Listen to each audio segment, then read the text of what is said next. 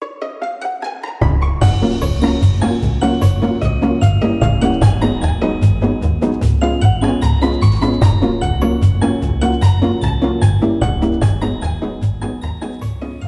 jeg heter Thea, Hei, jeg heter Oddrun. og vi jobber på Karmøy folkebibliotek. Velkommen til Bokfriminuttet. I dag skal vi snakke om boka Berre hopp, skrevet av Åshild Moldskred. Og du, Oddrun, har lest denne boka. Ja, det har jeg. Jeg syns det er en veldig fin og viktig bok. Ja, kan du si noe først om eh, personene i boka? Ja, boka handler om Ingeborg på elleve år som har så dårlig hørsel at hun må bruke høreapparat. Tidligere hadde Ingeborg ei bestevenninne, Pernille, men hun vil ikke være sammen med henne lenger. I plassen så har hun blitt bestevenninne med Marte. Begge jentene de mobba Ingeborg på skolen. Ingeborg har òg en storebror som er i militæret. Han er en veldig stor støtte for henne. Det var bra. Det hørtes jo ikke greit ut.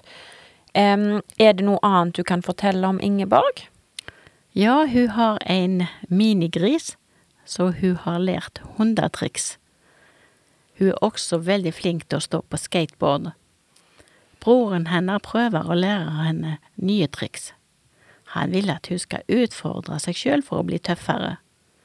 Hun har også ei veldig røff, gammel bestemor, og foreldre som er glad i henne. Det er òg en i klassen hun har varme følelser for. Mm.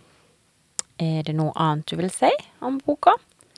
Ja, boka er skrevet på veldig fint nynorsk, og den egner seg veldig godt til høytlesning i klassen, og kan brukes som ei antimobbebok. Mm. Her var det mye fint. Så um, er det noen andre grunner til at du liker denne boka så godt? Ja, jeg syns den er både spennende og som sagt tidligere både fin og viktig. Når du leser, så vil du så gjerne at det skal ordne seg mellom jentene. Det er så trist å lese om Ingeborg og det å gå igjennom på skolen.